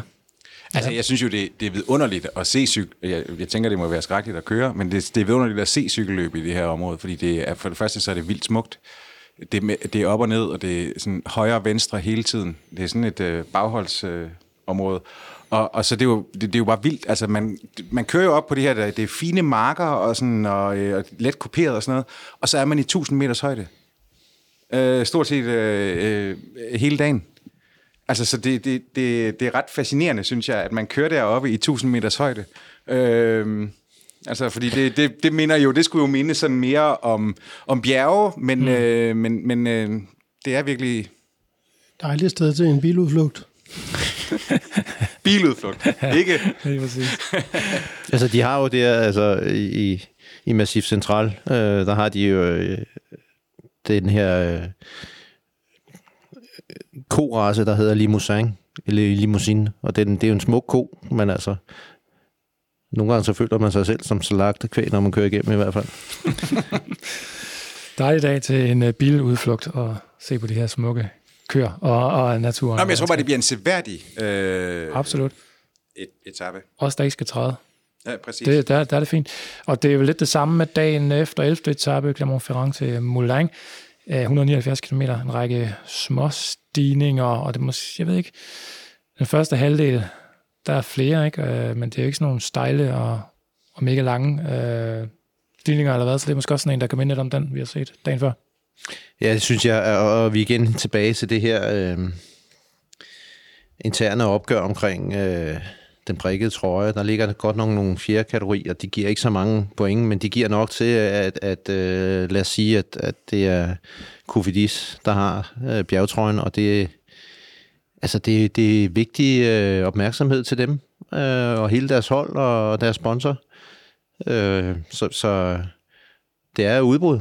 Om det så holder hjem, jamen det er jo, det er jo igen, det er ikke dem, der bestemmer det, det er alle de andre hold. Og så nærmer vi os stille og roligt øh, Alberne, 12. etape, der skal rytterne så til øh, Lyon. Øh, og så en øh, række mindre stigninger og en spændende finale med, øh, med Col de la Croix Rocher som den sidste og hårdeste. Så er der så 28 km til, øh, til mål. Hvad, hvad, ja, hvad indbyder den til? Altså, hvis det er, man ser på sådan en etapeprofil, så er det jo sådan en kæmpe udbrudsetappe. Ja. Altså, øh, det, er jo- det er jo noget, der virker helt umuligt at kontrollere. Altså, øh, og det er jo også et spørgsmål om, hvor øh, igen man vil bruge sine kræfter. Øh, og øh, altså, det her, det er... Der kom, der, og der er rigtig mange, som vil have udset sig den her etape. Øh, altså, ryttere, som, som, som har en ambition, øh, og som kan finde ud af at klatre lidt, og måske er hurtige i en, i en, øh, i en mindre gruppe, øh, fordi der netop er sådan en, en, en hård afslutning til sidst, og hvor, at, øh, hvor at, øh, jeg tænker, at favoritholdene, de tænker, lad, lad dem slås om det, øh, og øh, der er andre dage, hvor vi øh, får mere brug for at, at bruge kræfter. For eksempel dagen efter. 13. etape slutter øh, på Col de Grand Colombier. Det er altså øh, Bastille-dag her øh, også. Og øh, man kan sige uge, uge 2 i turens kongeetappe. Måske øh, meget kort, 137 km. Og så de her to stigninger til sidst til at afgøre tingene. Øh, Grand Colombier til sidst. Og ja, slutter, slutter opad. Det er sådan en stigning, der tager tre kvarter at køre. Det er noget retning ligesom øh, Tourmalet. Hvad, hvilke forventninger har I til den her? Det er jo også en af dem, hvor de store drenge, de kommer til at rulle sig ud. Og Hvad enten de gør det øh, fra fronten, eller om de gør det altså efter Mm, mm, et udbrud, ja. ja. øh, der er derude. Ikke? Men, men det, der er det jo næsten uundgåeligt, at, at der ikke bliver kørt klassementcykelløb. Det kan jeg ikke forestille mig andet. Enig. Altså, om det, jeg, jeg tror, det, det bliver et udbrud, der bliver hentet, men lad os så sige, at det er et udbrud, der kører, kører hjem, så vil der alligevel være cykelløb nummer to nede blandt klassementet, som måske foregår tre minutter efter vinderen, men, men det er sådan set underordnet, fordi de skal sørge for, at, at den ene ikke tager tid på den anden, eller taber tid. Så, så øh, det der, det, det er der, hvor jeg strategisk øh, vil være Pogacar sportsdirektør og sige, nu har du brugt godt og vel 10 dage til at komme op i gear, og du har skjult dit spil. Altså, nu kan du få lov at vise, hvad du kan. Så slipper vi ham fri her på, på den første af, af tre jo store bjergetapper i, i træk dagen efter. Kæmpe bjerg på tapetet også. Øh, 14. etape, den er, den er til Morsin, den er 151 km, og de skal over mere end øh, 4.000 højdemeter øh, i løbet af, af dagen. Der er den her øh, Chuplan-stigning, stejlere end Alpe d'Huez, og næsten samme længde, og lige før den Col de la Ramas. Øh, mange bjergpoint også i spil på sådan en dag som den her. Og øh, ja, måske klassemangs øh, dag slutter med en nedkørsel ned mod skisportstedet her i Morsring. Hvad betyder det? Måske sådan generelt også for de der etaper, der så ikke slutter op, men ned. når den slutter sådan direkte ned uden noget dal øh, bagefter, så øh, er det jo ofte det samme øh, resultat, som hvis den sluttede på toppen. Det er jo meget lidt øh, forskel, der er på, hvad de kan øh, øh, vinde og tabe til hinanden på, øh, i hvert fald de rytter, der, der kører om klassementet. Så, øh, men altså, stigningen vil jo blive brugt som om, øh, på samme måde som hvis man slutter Ja. på toppen, og der vil det blive kørt. Det er jo en stor alpetappe, den her, med, øh, med, med tre første kategorier og en øh, uden for kategori. Så, så det er en meget, øh, meget hård etape og absolut terræn til at, at teste øh, sin modstander, hvis man er den, der føler sig bedst. Altså, vi kom frem til 14. etape, og hvis jeg sådan lige hurtigere altså, ruller hen over øh, de foregående etaper, de 13 etaper, øh, så har der været øh, to og en halv, tre sprinteretaper, og så har der næsten været 10 etaper med, med 3.000 højdemeter. Øhm, det, det er hård kost. Øh, vi kommer til at se vi kommer til at se et trøjeskift i, i, øh, i bjergetrøjen, men vi kommer også til at se en etape på 152 km, hvor at man altså kommer til at se et decimeret felt, når vi, når vi når øh, til bunden af Col de la Soumang efter, hvad bliver det, omkring 80, par 80 km. Øh, så det, det, det bliver helt øh, skrællet af imellem klassementsfolk og aspiranter til top 10 der på den etape. Glimrende. Og så øh, 15. etape mere det samme, og så er der bare mål på, på toppen, på øh, ja, det bjerg, der i fuld længde hedder Saint-Gervais Mont Blanc Lebetex. En dag med øh, mange sådan mindre, også irregulære stigninger, øh, en, øh, en, en nedkørsel til sidst, der, der er teknisk svær. Og øh, ja, en etape med, den, den med næst flest højdemeter, fem, øh, 4500 og 27. Det er kun øh, Courchevel. Etappen, der overgår det, den kan vi tale om øh, lige om lidt, men øh, ja, mere af det samme. Det er vel her, at øh, det er jo på de her tre dage, kan man sige, de store bjergslag slås, som vi siger, men så er der lige den der, øh, de der to sidste øh, bjergdage at tænke på også, ikke? så det er jo ikke her, tur, om det er afgjort, måske nødvendigvis i på alle tre etapper. Altså, prøv, det, det, det er jo bare en modbydelig dag. Altså, Endnu en. Øh, nå, men det, det, det er jo, den er jo, den er jo savtakket øh, hele, hele dagen. Og, øh, og, og de sidste... Øh, altså, der er jo en kategori, øh, Col de la øh, Croix Fri, og så, øh, og så øh, med, øh, ja, hvad er der til mål? Der er der øh, 70-75 kilometer. Øh, nej, undskyld, 50 kilometer. Øh, og, og, og som så går over i, i en træ, og så kommer der sådan, en fald, sådan et plateau, skarp nedkørsel, og så en, en led, led stigning op. Altså det, øh, jeg tænker, at, at, at, fordi sådan som jeg lige mener, den der, øh, altså den sidste stigning derop til, øh, til Saint-Gervais-Mont Blanc, den, øh, den er ligesom sådan todelt. Øh, så den bliver, så, så de der, de, de umiddelbare tal, øh, de snyder lidt, fordi den, den, den første del er virkelig, virkelig modbydelig. Så, så er der en lille nedkørsel, og så tager den bare til op mod top.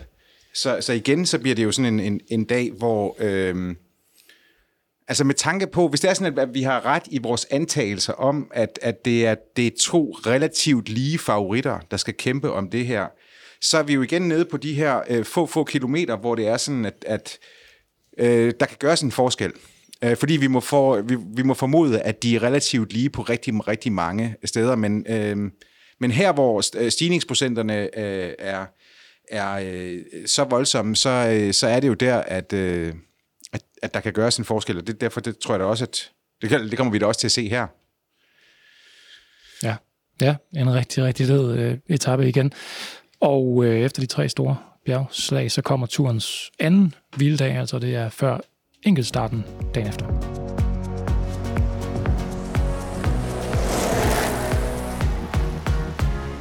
Turens eneste tidskørsel, 22 km lang, og øh, ja, det er en, det er en bjergengstart, som vi var, som vi var inde på, en gennemsnitlig stigningsprocent på 8,9 over de små 3 km øh, til sidst, og en svær udfordring på, eller på den der sidste del af, af enkeltstarten.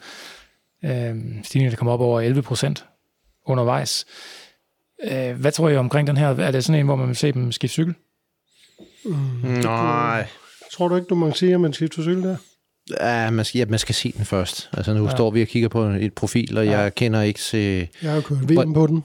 der, hvordan man kommer ind i bunden. Altså kommer du ind med fart på, kommer du ikke ind med fart på. Øh, det, det, øh, Hvad, er- hvad mistede de af tid i... Øh, hvad, hvad tog det i Giroen, da de skiftede? Ja, det kommer an på, om du hedder Graham Thomas, eller... Ja, ja, det...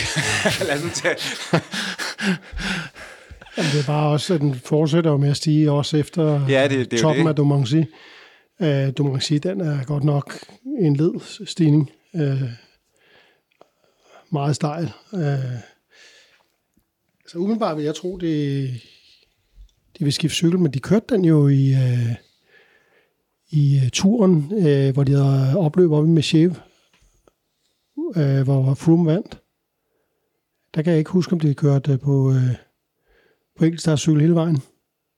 Jeg kan, heller, jeg kan heller ikke huske det. Øhm, men men øh, jeg synes, det der er, og det berørte vi i sidste afsnit, det som er, er måske øh, en af de helt store ting, det er jo, at det kommer lige efter en hviledag. Ja. Og, øh, og der, ja, der er nogle ofre, som du pænt udpegede det, Per.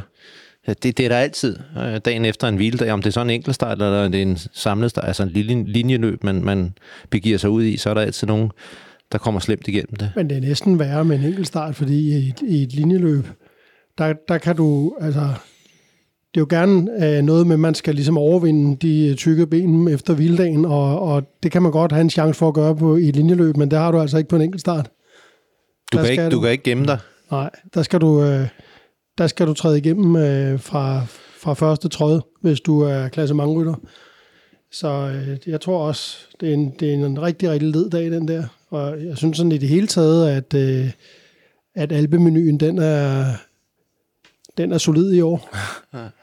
Den er komprimeret. Med fem dage, ikke? Ja. Øh, Der, der, Det- altså, de har virkelig tænkt sig om, eller tænkt sig om, kan man så diskutere. Det er der nok nogle rytter, der ikke synes, de har, men, men uh, i, i forhold til det, det, det, det, den ri- rivalisering, vi snakker om mellem Jonas Vingegaard og Tadej Pogacar, altså, det er jo et spørgsmål om, hvem har, hvem har the upper hand, og, og hvem er udfordreren, og hvad har udfordrerne i benene, og hvad har forsvaren i benene. Altså, det bliver jo øh, det bliver et slag efter det næste, altså. Ja.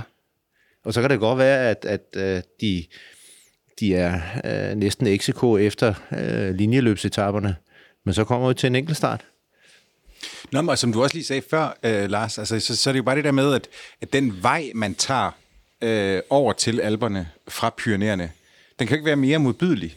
End, end, øh, altså, de kunne jo også godt have kørt Christian Prudhomme og hans, øh, hans folk, de kunne godt have sagt, øh, ved du hvad, lad os, lad os tage den øh, Narbonne, og, øh, og, og, så, og så har vi sgu også mål i, øh, i Marseille en dag. Altså, det, den vej kunne man jo også have taget. Man gå over til Nice og så op øh, til, til Gap og sådan noget der. Øh, Den, den vej kunne man jo også ja, have taget. ja. Altså, men, men du har bare taget den hen over øh, den mest, øh, eller ikke mest, men en, en ekstremt savtakket øh, del af Frankrig.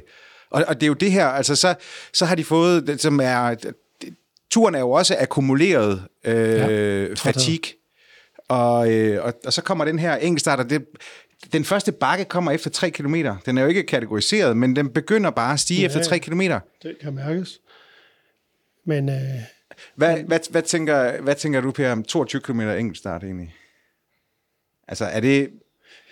Er det, er det, er det, hvor- hvorfor har I det så overhovedet med, eller tænker du, øh, det, det er ikke sådan en Grand Tour skal være? Ah, Det er jo lige før, jeg vil sige, at det er en tur uden enkeltstart, fordi det er jo ikke en enkeltstart, der har den øh, profil, er jo ikke en enkeltstart. Altså jo, det er det, det er en tidskørsel, men det er jo ikke det er jo Det er ikke en de, øh, det er jo ikke en enkeltstart, hvor, hvor enkeltstartsrytterne, de har noget som helst at gøre. Altså, altså dem, vi regner for enkeltstartsrytter, altså Ganna og Køng og, og øh, de typer der. Altså den eneste re- øh, rigtig store enkeltstartsrytter, der, der ville øh, kunne vinde den der, var jo Remco Evenepoel.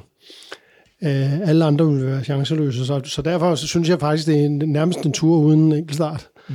Øh, men, øh, men, men, men selvfølgelig er det noget andet med, med at skal køre alene, end det er at køre øh, over for hinanden. Det er jo altid. Øh, så, øh, så jeg synes, den er spændende. Altså, jeg synes, den er... Jeg synes, den er øh, øger øh, spændingen om, om udfaldet, fordi de kommer til øh, Vingegaard og, og Pogacar og skal... Øh, det er jo en eta- etape, hvor man ikke kan undgå komme udenom og lægge alle de, alle de kort, man har på hånden, Nej. spille dem på bordet. Det kan man jo bare. Altså, alle andre etapper kan du spekulere over, men kører han sig helt ud, øh, kørte han taktisk, og kunne han have gjort mere, og så videre. Den her dag, der ved du, at der bekender man fuldstændig kulør. Der har man givet alt, hvad man har i sig, når man kører over stregen. 22 km enkelt start, hvor halvdelen af dem er, er rigtig enkelt start. Ikke? Og, så, og så er der altså opad også. Men det er, Jamen, det er de sidste 6 km, ikke, som Ja. ja. afgør det, og der kan, altså, det, det er jo den ingrediens, som de har, de har tænkt over. De har jo ikke tænkt over feltet samtlige 176 rytter, eller hvor mange der er. Slet ikke. De har tænkt over top 5. Ja. Og kan vi få den her øh, off-day på den ene, som så øh, kæmper og er helt skæv på cyklen og nøjes med at tabe 40 sekunder, men 40 sekunder er altså meget. Eller, eller kommer de til at køre lige op? Det er, den er hensynsløs, den her turrute. Øh, Den, den skåner ingen. Nå, nej, men, ja, jamen, altså, og, og, og, øh, Pogacar vandt jo en, en tur på en bjergenkelstart. Altså, Yes. øh, Jeg, jeg vil ikke turde sige på forhånd, hvem af dem, der vil vinde den her.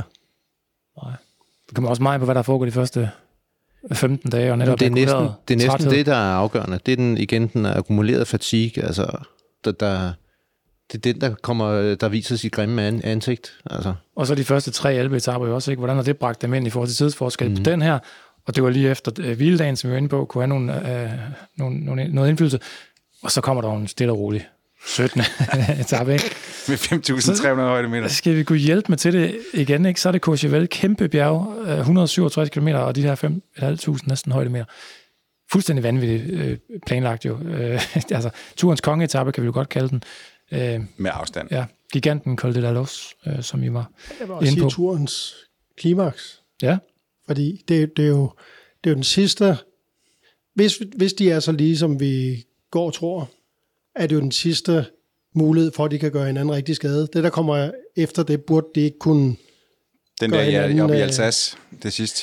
Der kan Ja. ja. jeg ikke se, at det er ikke hårdt nok til, hvis de er så jævnbyrdige, så kan den ene ikke skille sig af med den anden. Enig så det er klimakset her, og øh, ja, modbydeligt. Altså så sent i turen også, efter man har været igennem det program, som vi har talt om her, så smider de den her ind. Øh, og det igen, der er ikke taget hensyn til, til hele feltet. Lars, kan vi se folk så kort før Paris, som det jo faktisk er her, ryge uden for tidsgrænse? Ja, sagtens. Altså, øh, og jeg, jeg tror, at, at, øh, at det kan vi se allerede tidligere i, i løbet. Altså, jeg tror, at øh, der kommer et... Altså, nu har jeg aldrig selv personligt været god til at køre opad. Øh, jeg var bedre til at køre nedad, men, men øh, øh, den type rytter, som jeg var, og som der også findes mange af i, i nutidens felter, altså, havde jeg været cykelrytter i dag, så ville jeg helst ikke udtages til Tour de France. Ikke, det, ikke den her udgave. Altså, hold da op. Det, det er altså, jamen, jeg, der er mandefald, og der er, så har man, som vi snakker om før, været oppe i en boksekamp og gået 12 runder, og så skal man gå hjælpe mig op i endnu en 12 runder dagen efter, ikke? Altså, og der er bare et dybe stød hele tiden. Det er nogle lange dage for, for de almindelige ryttere. Øh, og øh, altså, dagen er altid lange, når man, når man ikke rigtig har nogen mission anden at overleve. Det, og, og derfor øh, der er også øh, øh de der øh, central massive etapper er jo også ledet for klassementrytterne, for det, det er nogle dage, hvor de ikke kører klassement. Og når man, når man ikke står op og sådan er sat op, at man, altså det, det er sat med ved, altså i dag, der, der skal jeg bare være der, og sådan, altså hvis man tror, at i dag, der skal jeg ikke køre klassement, så er det bare ledt alligevel at køre de der etapper. Fordi at øh, selv for, for Vingegaard og Pogacar er det jo, er de jo hårde.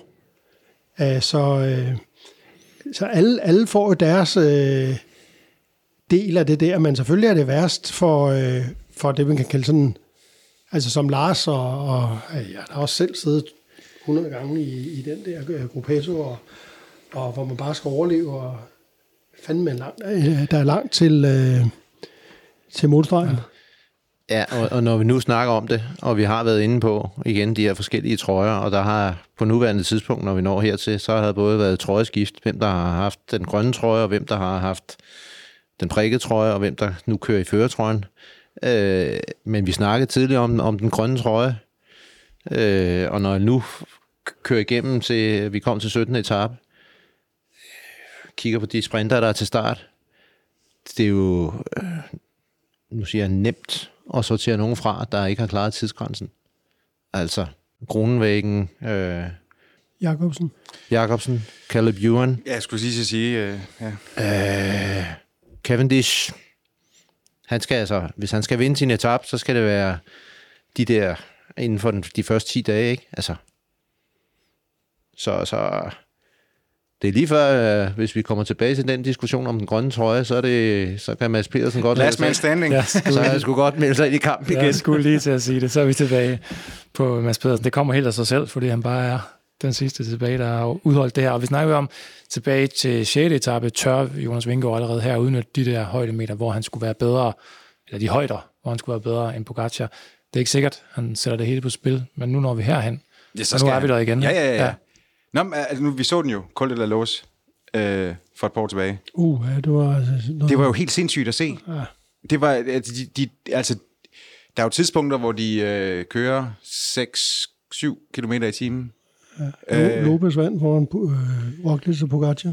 Ja, Superman Lopez. Han vinder ingen, så, cykel, så, han vinder ingen cykel. så, I, så han vandt 9 ud af 10 etaper i, i Vuelta a Colombia. Ja. Ja, så du godt. Og så blev han toer på den, han ikke vandt. Solidt. Ja, så lidt. Nå, øh, men øh, altså, det, det er jo sådan en... Øh, det, er jo, det er jo bare sådan en, øh, en cykelsti. Altså, der er jo ikke, det er jo ikke en vej. Det er jo bare en, det er jo, det er jo en cykelsti, der er anlagt, øh, så, som øh, altså for at tilgodese øh, Men det- sommerturister. De kommer heller ikke dertil med bred front. Alt er relativt. Nej, men, det var jo, men man så jo bare, øh, altså, det var sådan ligesom øh, sidste gang, der var det sådan, at øh, så troede man, at man havde en vinder, øh, og så, så døde de fuldstændig igen, og så kom der, altså det var sådan et øh, underligt... Øh, Ja, man troede, Roglic ville vinde, og så lige pludselig så, øh, så stålede han lidt, og så fik Lopez nyt liv, og det var, altså, det var, det var sgu ret vildt at se på. og, og, og det er jo der, altså hvis det er sådan, at kniven ikke er sat ind ja. for Jonas Vingegaard, eller han er bagud øh, på det her tidspunkt, så skal det, øh, så, så er det fandme nu. Altså, øh, og, og, og den skal jo, den skal jo udnyttes. Øh, det, på den måde er det jo, der taler alt vel til hans fordel. Altså sådan i forhold til de fysiologiske øh, elementer. Altså lang, lang stigning øh, og oppe i højden. Det er jo hans, ja. hans største force, så det, det må man jo sige, det gør. Øh, selv over for Pogacar formentlig. Og så sådan en øh, hurtig, hurtig nedkørsel af den der cykelsti. og, så, øh, og så sådan en øh, helt absurd rampe op til aller, aller, aller sidst. Det er ondt. Ja. Og man står stille igen. 18, 18 procent tror jeg, Ja. den er, den der korte godt nok, men 18 procent er jo stadigvæk 18 procent. Altså den store spænding, den, den bliver jo at se, hvordan ser klassementet ud, når de går i mål på 17. etape, ikke?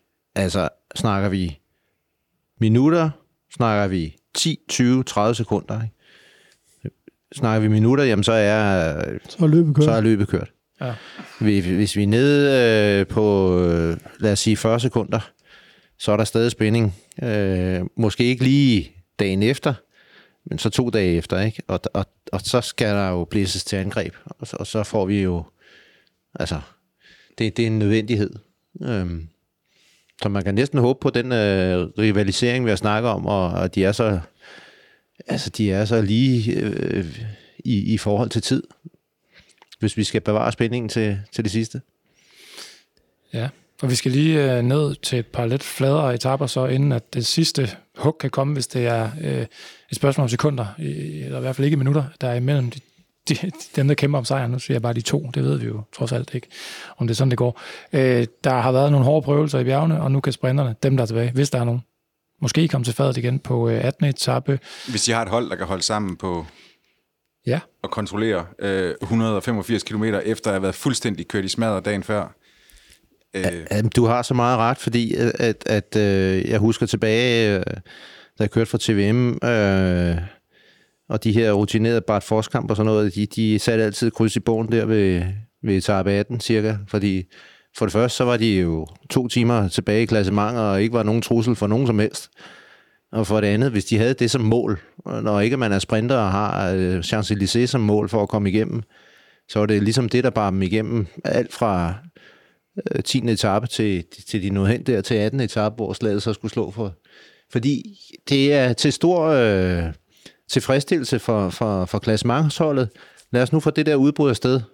Så er der ro på, og så kører vi tempo ned bagved, og så er tingene status quo, og så kører vi hen til det sidste bjerg, og så kan de to kampaner så lige følge hinanden af på tænderne, men, men det, det giver en ro, altså, og tilbage til det, du siger, Jacob, altså, det er jo spørgsmålet, hvor mange sprinterhold, der kan samle noget at gøre noget. Altså. Ja, altså der, de er jo med, med stor sandsynlighed ikke fuldtallige heller. Altså det er, jo, det er jo et spørgsmål igen om, hvor mange kan du øh, akkumulere af sprinterhold, som har samme interesse, og så versus den styrke, som øh, et, et udbud, for der er jo masser af, af ryttere, som er øh, sultne, og som ikke har en sprinter at skulle køre for, og som har den her som den eneste mulighed for at, øh, at, at kunne øh, skabe sig et resultat. Så det er jo det, er jo det styrkeforhold mellem et stort udbrud og hvad sprinterholdene de kan samle af, af, af fælles kræfter for at holde det samlet. Har, har Jonas Vinge, Vingegaard nu øh, trøjen? Altså, øh, jamen så for guds skyld, lad, lad dem kæmpe om øh, at komme i udbrud. Øh, Guillaume Martin og, og, og Pelio Bilbao mod at finde ud af, om de kan avancere to ja. pladser i, i det samlede klassement. Altså, så, så det tror jeg mere på, på ja. etape 18. Og så de stakkels sprinter, der har så få muligheder så har de håbet og drømt om noget her, ikke? og så kan jeg ligesom fornemme, at det bliver hårdt nok også at få, få det samlet igen. Og øh, 19. Øh, etape til øh, ja, Polony, øh, sprinteretappe, eller, eller hvad? Det, de, det, vil, det vil jeg sige, det der, det vil være typisk en etape, der det er nok en, der Mads Pedersen har det største kryds ved. Ja. Han er traditionelt, da han øh, virkelig god, når, de, når han har været 14 dage i bjerge. Øh, han bliver bedre og bedre som regel, øh, og, øh, og bliver også god til at køre opad. Så det var sådan en dag, hvor, hvor han både har det kort at kunne overleve øh, de andre sprinter, være friskere end dem, men han kunne også sagtens finde på at, at øh, tage billetten i et udbrud. Gør ligesom sidste år. Ja, simpelthen selv være animator og, og skabe udbrud og køre det til mål. Og sindssygt, men man tænkte jo også, at han brændte fandme nogle tændstikker af i starten, da han ikke kommer med. Altså, og, øh, og, og Quinn Simmons og ham, de så får... Jamen, det var jo... Øh, det var jo den af alle etaperne, han havde mest kryds ved. Altså, ah, der var den til øh, i øh, Nyborg, øh, den, øh, som, som nok ja. var det største kryds, men ellers var det den til... Øh, jeg skulle ikke engang huske, hvad det var, ja. det var øh, til den, han vandt, men, men øh, der, der stod han jo og skravede jorden øh, på målstregen, fordi han, altså det, han skulle bare... Øh, det kunne man også godt fornemme, ja, når man så den etape. Ja, han, og han sagde jo til, øh, til Simons på det der bakker, de var jo sådan, det var en hård kuperet rute, den der. Han sagde til Simons, du, du skal køre så stærkt, så hvis du kører 5 watt mere, så bliver jeg sat. Det var beskeden til, til Simons. til den nykårede amerikanske mester. Ja, det er stærkt. Han er også stærk. Er du sindssyg, mand? Han er brølstærk. Det var, ja, det var så vildt også, at han, øh, at han ikke... Men at han, at han, han så hakker udbruddet øh, øh, over i to øh, mod slutningen, altså hvor man tænkte, det, var det, var det nødvendigt, men bare fordi ja. han kunne, så var, der, så var der jo kun to at holde øje med. Men det var, fordi han sagde, at, øh, at han kunne mærke, at Garner var ved at stegt. Og det troede han også, Køng var, fordi han var nede og tre gange inden for 10 km og hente vand til at hælde over hovedet. Altså, det gør man jo kun, når man er, når man er kold. Og så tænkte jeg, jeg fandme af med nogle af dem der, så ikke jeg, fordi alle vil se ham som hurtigste, og så vil han skulle lukke øh, Alt. stik ja. på skift, ikke? Så, så den situation var bare ikke inde i. Men da han rykkede, altså han sagde til mig, at han, da han angreb, var det med det, øh, øh, med det plan at, at køre alene væk. Altså det var det, han gerne ville ja. øh, gøre. Og så fik han de her to med, og og, øh, og han sagde, heldigvis var de jo føjelige som lam og, og glade for... føjelige som lam? Jamen, de prøvede jo ikke noget. Nej. De ville bare, de ville bare hjem til stregen, inden Køng og Garner kom, så ja. de kunne få deres podieplads. Ja. Det var i St. Etienne, da han vandt Mads P. foran uh, Fred Wright og Hugo Ull, ja. som jo altså ikke er langsom. Men dem kunne han også godt uh, tage, da han tog dem med ind. Ja, det var, det var, det var en ret overbevisende sejr. Det var den, han havde sat kryds ved, Mads. Og når han så står der og stamper, så... Uh, så vil han have den. Så det kan være, at øh, det bliver øh, 19. etape. Den her gang det var 13. etape sidste år. Øhm, og så øh, ja, skal turen jo, hvis der er noget og slås om i toppen af klassementet, eller om ikke andet, så for de her Martin Bilbao-typer, øh, kunne der også være øh, nogle, øh, nogle, nogle placeringer i det, i det øvrige klassement, man sådan skal ud og forsøge at, at sætte på plads. Den sidste bjergetappe, den eneste etape i Vogeserne, øh, Petit Ballon, som er dagens øh, næst sidste bjerg og den hårdeste, altså den hårdeste stigning med, med 8,2 procent over 9 km. Og sådan en 133 km øh, kort etape, kan vi jo godt sige. Øh, ja, hvad betyder det Ja, generelt med de korte? Altså, Ja. du- jamen, det kommer jo helt an på klassementet. Ja. Ja. Hvis, der, er- hvis der er to minutter imellem, så er der ikke meget at gøre, men selvfølgelig øh, vil, vil lige de to vil jo prøve øh, et eller andet, øh, altså for, af pligt om ikke andet. Men, men, men hvis vi er ude i Lars' øh, 40 sekunder, så er det jo terræn nok til, at man skal øh, have en rigtig plan øh, øh, med hjemmefra øh, om morgenen.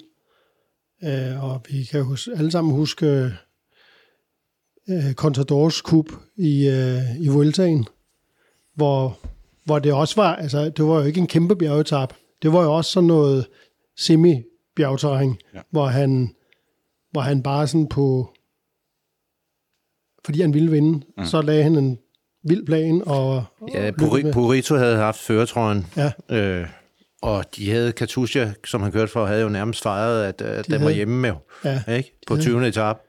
Men så havde de lige gjort regning uden øh, Alberto, ja. og så gik det galt.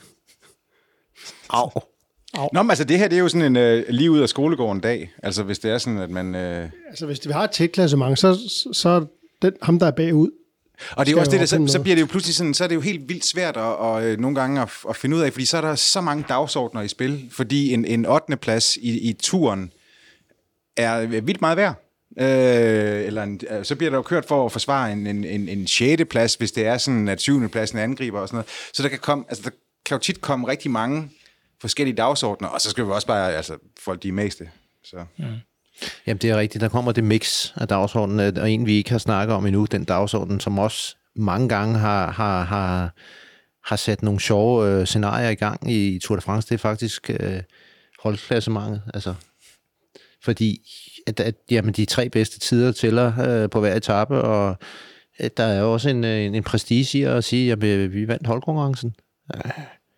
Og øh, hvis nu, at man er Team Movistar og ikke har fået... Øh, fået nogen etapsejr hjem i løbet af turen, øh, så er det det, man kører for. Altså, så giver man den fuld pedal på etap 20, og prøver måske at, at hælde en holdkonkurrence hjem.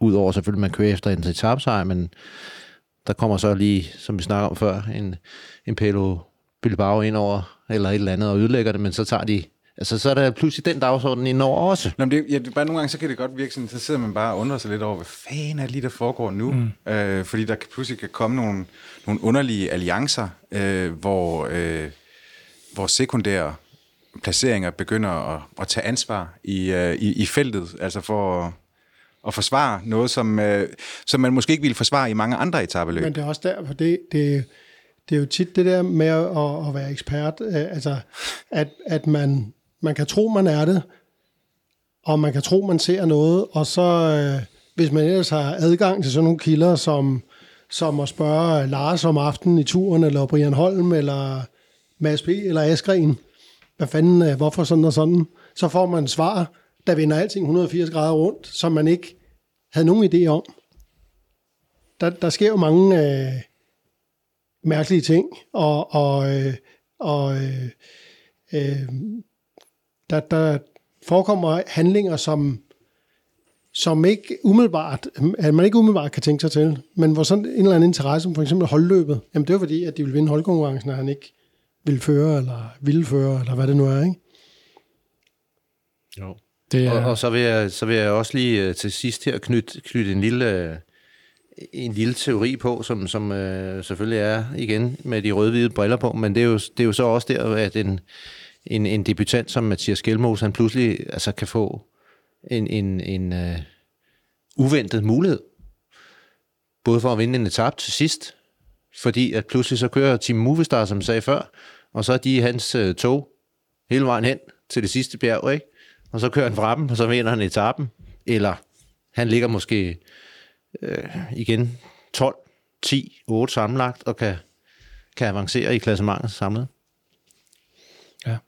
Ja, lige nøjagtigt. Det er sidste mulighed for at sætte det sidste sådan, uh, punktum, og selvfølgelig på nær den grønne, tror jeg, der måske uh, også kan ske noget med på Champs-Élysées. Traditionen tro, så er, det, så er det sprinterne på scenen, når finalen køres der. Paradekørsel og champagne, og uh, ja. Og det skal, jeg skal, det skal jeg bare lige høre de her om. Hvad, er, har det taget overhånd, eller hvordan, altså... Øh, hvad, hvad, siger, hvad siger I til de der etaper? Det, jeg skal bare lige høre jer som sådan... Øh, Den er, ikke altså, så, er den er ikke så lang, heldigvis. Jo. Jeg synes, det er røvsygt. Altså, det interesserer mig ikke. Nej, Nej. altså, Det er sgu ikke noget, jeg gider. Altså, det er sådan noget, hvor jeg, hvor jeg tænder, når der mangler øh, fem omgange. Mm. Og så øh, skynder jeg mig at slukke, inden at øh, podiet bliver overfolket med, med småbørn. Ja, det er også en trend, vi skal sat en det, det, for. er jo det er helt vildt. Altså. Ja. Hvem var det, der startede den? Hvem fanden startede det? Hvem var den første, der havde børn med på... Øh, Havde Froome? Nej, jeg tror faktisk, det var Erik Sabel med den grønne trøje, det er sgu rigtigt.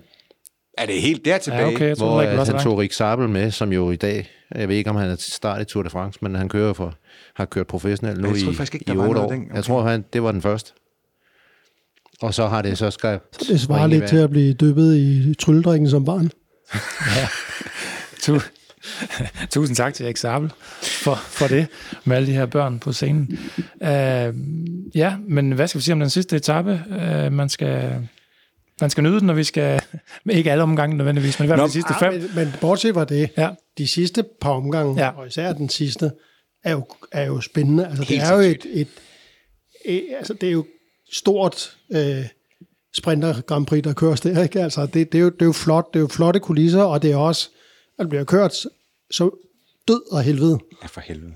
øh, og som, som sjældent nogen andre steder. Så, så lige, den, lige finalen der, det synes jeg Og så på brosten. Altså, det er jo bare det, det, er jo det, Det er det, er jo, det, det, er jo det, man ikke lige sådan uh, altid tænker over, men uh, det er en vild finale, den der. det er sindssygt. Men alt det der med champagne, og, og man skal se, de snakker i feltet, og skåler med brydomme og alt det der, det gider jeg sgu ikke se. Men det, det er, altså, øh, som, som udsendt øh, journalist til Tour de France, øh, så, så ser man jo ikke ret meget cykelløb. Nej. altså, det gør man jo ikke. Nej, nej. Øh, fordi vi, øh, så står man, man, står i, man er i et pressecenter, og så kan man, øh, så kan man øh, gå ned, så, så går man jo ned til busserne, når det er sådan, et etappen den er slut, og så kan man se det sådan lige på en, på en stor skærm, eller sådan et eller andet, og så ser man trætte ryttere komme ind. Men, men at være ude og se cykelløb, det gør man jo ikke. Det gør man så på Champs-Élysées, fordi så står man nede, hvor busserne de er, øh, når de kommer op af Rue Rivoli og krydser hen over øh, Place de la. Concorde, og så kører de op. Og der holder alle busserne øh, øh, foran, og så kan man stå, der er, øh, der er sådan ligesom sat sådan nogle plastikafskærmninger øh, op, og der kan man så se, og det er bare sindssygt at stå der, øh, øh, helt tæt på, fordi de kommer kørende tæt op ad den bande, inden at de så drejer det der det, det bløde højresving op mod mål. Øh, og hvordan cyklerne, de bare hopper og danser, fordi det jo er brosten, og man tænker jo ikke over, at det er brosten, øh, indtil at man bare hører den larm, der kommer øh, fra, fra de der hoppende og dansende cykler med 60 km i timen. Det er bare det, det er en vild oplevelse. Altså tilbage til Pers øh, foragt mod den etape, så, så, så, så Det er kan, stærke verber, der bliver brugt nu. altså den, den er 114 km, men, men jeg vil give dig ret i, der bliver kørt cykelløb 50, men så bliver der også kørt cykelløb. Ja, det gør der. Altså, det er sidste udkald og sidste chance at vise sig frem for hele øh, familien, der er kommet fra Nordfrankrig, eller hvor de er kommet fra, og tv, altså, det er jo, øh, hvor mange lande er vi oppe på, øh, hvor det bliver broadcastet, altså, det er jo, og folk ser jo den etape, det gør de bare. Og du må også du må godskrive mig for, at jeg også sagde, at når de kører til allersidst, det er godt cykelløb, rigtig godt cykelløb. Ah, men, altså, Men- positionering og, og, og det der med øh, blodsmag i munden øh, efter tre uger, og lårene, der er ved at sprænges, altså, det giver dig ret i. Altså. Men det er bare, altså som seer, synes jeg alt det der, at, at der ikke, altså for mig er løbet jo slut dagen inden. Mm. Og, øh, og jeg, jeg er helt sikker på, at når man er en del af karavanen, hvad enten det er nede i bilerne eller, eller i feltet, at det er en helt anden øh, liberation, eller, og, og det der med, at man presset væk, nu ruller vi bare ind ja. Til Paris, så, mm. så er det så træls at skal i arbejdstøjet, når så det, det, det skal til at gå stærkt igen, men, men det er klart, at man oplever den der befrielse, det var det ord, jeg lidt efter for, Ja. øh, at man oplever, når man deler karavanen, men det gør man jo ikke rigtig som, altså man kan jo ikke, eller for mig i hvert fald, øh, at sidde sådan helt eftermiddag og se på det, synes jeg ikke er rigtig spændende. Men vi kan lige gå tilbage til det, der nok bliver spændende i 2023. Det er jo, hvem kan være med i den spurt? Hvem er der tilbage i feltet? Ja, Og bliver det en spurt? Ja, Det plejer det. jeg plejer det her. Hvor langt, hvor langt er det tilbage? Jo, men Vinogorov. Du går op i 6 eller du sådan har ret noget. i at sige, at det plejer. Men, men hvorfor plejer det at blive en spurt? Det er jo fordi, at der er fem til syv sprinterhold, som har den samme agenda, og de har en sprinter, der har en potentiel chance for at vinde. Men hvis vi er nede på to hold, der skal holde det der sammen, du er pessimistisk i forhold til, Ja, det ja, hvad der er jeg. tilbage af ildkraft i Det den synes jeg godt nok også. sidste del af den her. jeg men, siger, men hvis, hey, jamen Lars, er det fordi, altså tænker du, at den her øh, turrute, der er i år, altså den er markant hårdere, end den plejer at være, siden at du sådan tænker, at øh, altså, i, hvis det er sådan, du ser tilbage over de sidste 10 år, eller hvad ved jeg, men altså at, siden at du tænker, at der er så få, der overlever? Ja, fordi normalt, og det øh, sidste år havde vi med, vi endda fået skubbet en ekstra øh, hviledag ind, fordi at, at Grand Depart var i Danmark, og øh, sådan rent logistisk, så kunne man ikke transportere hverken øh, lastbiler eller materiel, eller hele setupet fra ASO's øh, barriere, selvom de kører øh, dobbelt setup. Mm. Så havde de, øh, de havde også øh, deres, men der fik man presset. Det jeg vil frem til at sige, det er, at traditionelt i Tour de France, der vil man kunne ligesom dele turen op lidt, lidt mere, som vi snakker om før, med at sige, okay, vi kører en enkelt start, så er der øh, fem flade dage og en halvkuperet, fordi at der også lige er noget med en, en prikket bjergtrøje, der skal have lidt valør. Og så rammer vi enten alberne først, og så i transporten mellem alberne og Pyrenæerne, hvis vi kunne køre den vej rundt, eller i år mellem Pyrenæerne og Alperne, jamen så kører vi ned til Narbonne, Béchet, alle det flade, og så, altså, som, det, den er meget mere fordøjelig, og, og, og øh, det, det er den ikke her. Altså, jeg, altså Jonas har også selv øh, udtalt, Jonas Vingegaard, han har, han, da han så den først, der havde han jo også den der, nu siger, traditionelle ana- analyse af det, Derfor flå, det er lige præcis, der er, sikkert en møgtur Ja. ja. nærmest, ikke? Mm. Indtil, når du så går ind og kigger i de der højdemeter, han har fået mere og mere respekt for det, sådan, sådan lyder det også, altså. altså, folk kommer i knæ. Okay, vi er tilbage til, til, til den gamle øh, sang om, at cykelløbene er jo lige så hårde, som rytterne gør det til. Men det er Tour de France. Cavendish, Og der er han pres på. overlever, så vinder han, ligesom i Giro. Ja. Ja, så tager han den der. Var det aftalt spil, Per? Det aftale var, eller aftale, altså det, det, det sådan usædvanlige var jo, at, at Jan Thomas kørte øh, Ja. et lead out for ham, der gjorde, øh, der var så godt, så, øh, så der var nogle sprinter, der slet ikke nåede at komme på plads, før det var for sent. Ja. Men, øh, men ellers var det jo ikke aftalt spil. Så, så, så altså, en hver anden kunne have profiteret af, sat på hjul af Cavendish og profiteret af det lead out også jo. Ja, det er rigtigt. Øh, Så på den måde synes jeg ikke, at det var, øh, kan jeg ikke se så meget aftalt spil, men han fik jo en, en holdstrækning, øh, som, han, uh, som han, hvor han måske ikke havde vundet uden at få den. Ikke mere Giro-snak også. Nej, nej, undskyld, nu, undskyld. Nu, nu Det skal er vi til at, at, at, rap, eller hvad rap den af. Skal vi snakke lidt Vuelta? Undskyld. skal vi lige nå forbi. Øhm, men kan vi konkludere, at vi faktisk er nærmest blevet en lille smule mere begejstrede, hvis ikke vi var begejstrede nok for den tur, vi står foran her, øh, ved at grave os fuldstændig ned i alle de her etapper. Jeg synes ikke, der er så mange, hvor jeg har sagt, det bliver ikke sagt. Der er ikke mange, øh, hvor man siger, øh, tag dig en morfar. Mm. Nej. Jeg er nok blevet lidt mere pessimistisk efter at have hørt, at Lars ikke mener, at der kommer mere end 20 mand til Paris. Nej, det har jeg ikke sagt, Per. jeg synes, du har antydet noget i den retning. Nej, men det bliver en hård tur. Det bliver en hård tur. Lars, du er blevet, øh, du er blevet nummer 6 på Champs-Élysées. Er det ikke sådan? Jo, det er rigtigt, ja. Øhm, Han ved, hvad han taler om. Jeg havde et, et år i, i 1999, øh, hvor vi hos øh, La Française des Jeux øh, skulle køre spurter for Jimmy Casper i starten. Øh, og det, der øh, havde vi jo øh, de to nasongbrødre øh, fra Vogeserne, og, og øh, så havde vi selvfølgelig øh, Christophe Manchang, og Ja, vi, vi var et godt hold om, om, om, omkring at køre ham frem, sådan set. Øh, men det lykkedes aldrig for ham. Han var trods alt op imod Mario Cipollini, øh, Erik Sabel, Tom Steels, øh, Jan Kirsipu, bare for at tage nogle af dem. Øh, det, var, det, var, det var rigtig hårdt. Øh, øh, historien er så øh, den, at han når frem til 10. etape, og Jimmy Kasper var om noget en sprinter med, med tykkelov, altså, og, og der blev det for meget. Altså. Og det var også hans første Tour de France. Så han udgik, øh, og derefter så fik jeg så opgaven at, at skulle øh, servicere lidt øh, Jean-Cyril Aubin. Ikke så meget ham, men mere Stefan Hulot, øh, da vi kom ned i Alperne og kørte ham ind øh, på... Men så var der pludselig ikke nogen sprinter øh, til sprinteretaperne. Så fik jeg jo carte blanche der til at køre mine spurter. Så... Men uassisteret? Uassisteret og måtte så... Altså, men nu kendte de jo mig, øh, de der forskellige tog, så de... Ja, om de kunne lide mig, det ved jeg ikke, men der var i hvert fald plads til mig øh, ind imellem der. Og jeg tror, øh, til den store Bordeaux-etappe, vi snakker om før, der når jeg også at blive nummer 6. Og så tænkte jeg, hvis jeg skal slå de her sprinter på Champs-Élysées, så har jeg, så har jeg kun én taktik, og det er, øh, når vi kommer forbi, øh, altså køre under Louvre og til venstre og forbi Paris og hjulet og ind over plads til en Concorde, så bliver du nødt til at komme bagfra med svung på og så prøve at overraske dem, og så køre en spurt. Altså, og så snakker vi ikke en spurt, så snakker vi jo et angreb. Mm. Altså, det var jo 400-500 meter, jo. alt for lang spurt. Det blev det så også.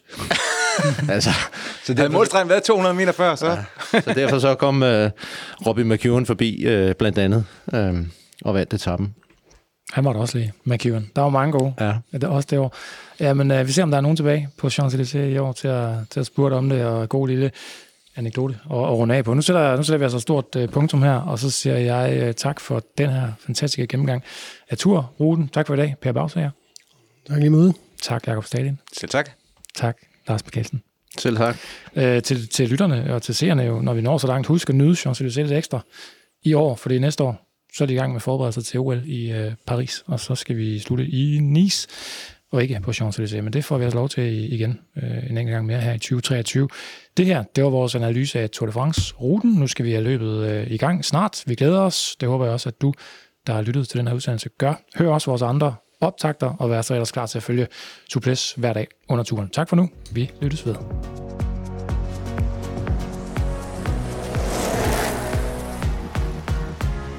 Suples er produceret af Mediano Media.